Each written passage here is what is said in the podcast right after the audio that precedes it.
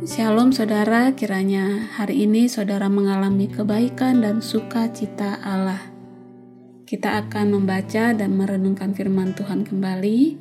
Mari kita berdoa. Ya Tuhan, kami bersyukur kepadamu atas segala kebaikan yang kau sediakan bagi kami hari ini. Dan kerinduan kami, kami mau tetap hidup seturut kehendakmu. Bimbinglah lewat pembacaan dan perenungan firman-Mu hari ini dalam Yesus Kristus. Amin. Firman Tuhan hari ini terambil dari Hakim-Hakim 2 ayat 10, 11, dan 16.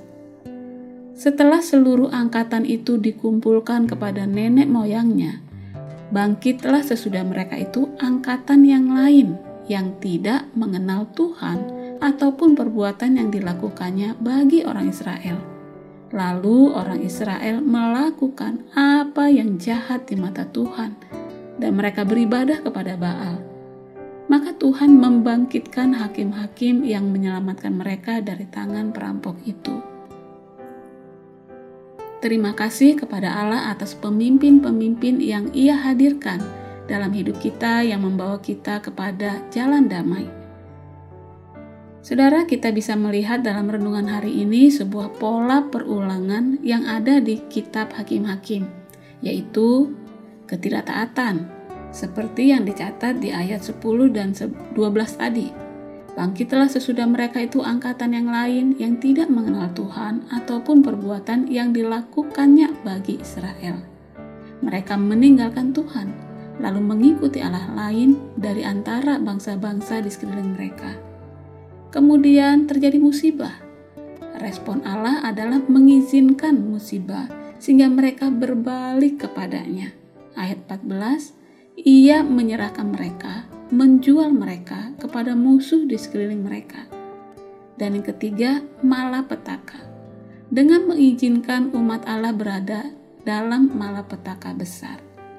Dan tidak berhenti di sana, terjadi juga penyelamatan. Ketika mereka dalam kesesakan, mereka berseru kepada Tuhan dan dia membangkitkan hakim-hakim yang menyelamatkan mereka.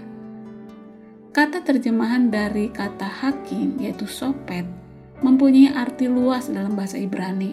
Bisa berarti pembebas, yaitu siapa pun yang membawa keadilan atau yang menjadikan keadaan kembali benar.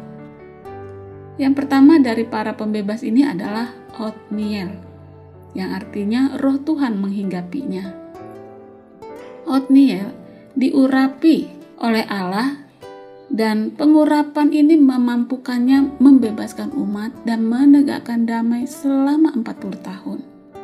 Namun sekali lagi umat jatuh ke dalam ketidaktaatan, musibah, dan berseru kembali kepada Allah meminta tolong dengan memberi seorang pembebas.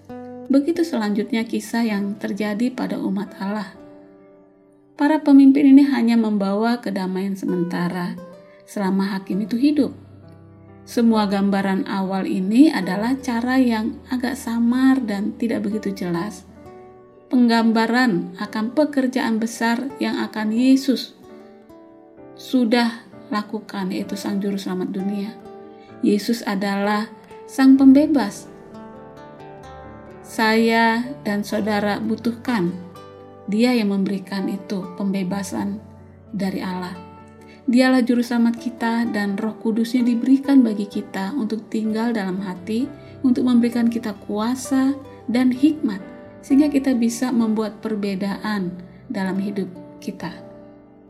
Kita bersyukur kepada Tuhan yang setia menyertai, menjaga, dan memberikan, memberkati kita lewat para pemimpin yang Tuhan hadirkan dalam hidup kita yang akan menolong kita mengalami jalan damai dalam Kristus.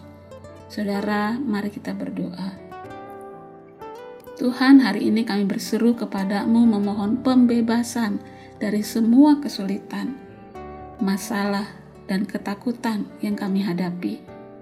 Kami mau memuji dan bersyukur kepadamu atas pembebasan dan pendamaian yang putra tunggalmu telah lakukan bagi kami. Tolong juga kami kalau engkau percayakan sebagai pemimpin untuk melakukan tugas dan panggilan kami dengan baik dan setia. Dalam Yesus Kristus kami berdoa bersyukur. Amin.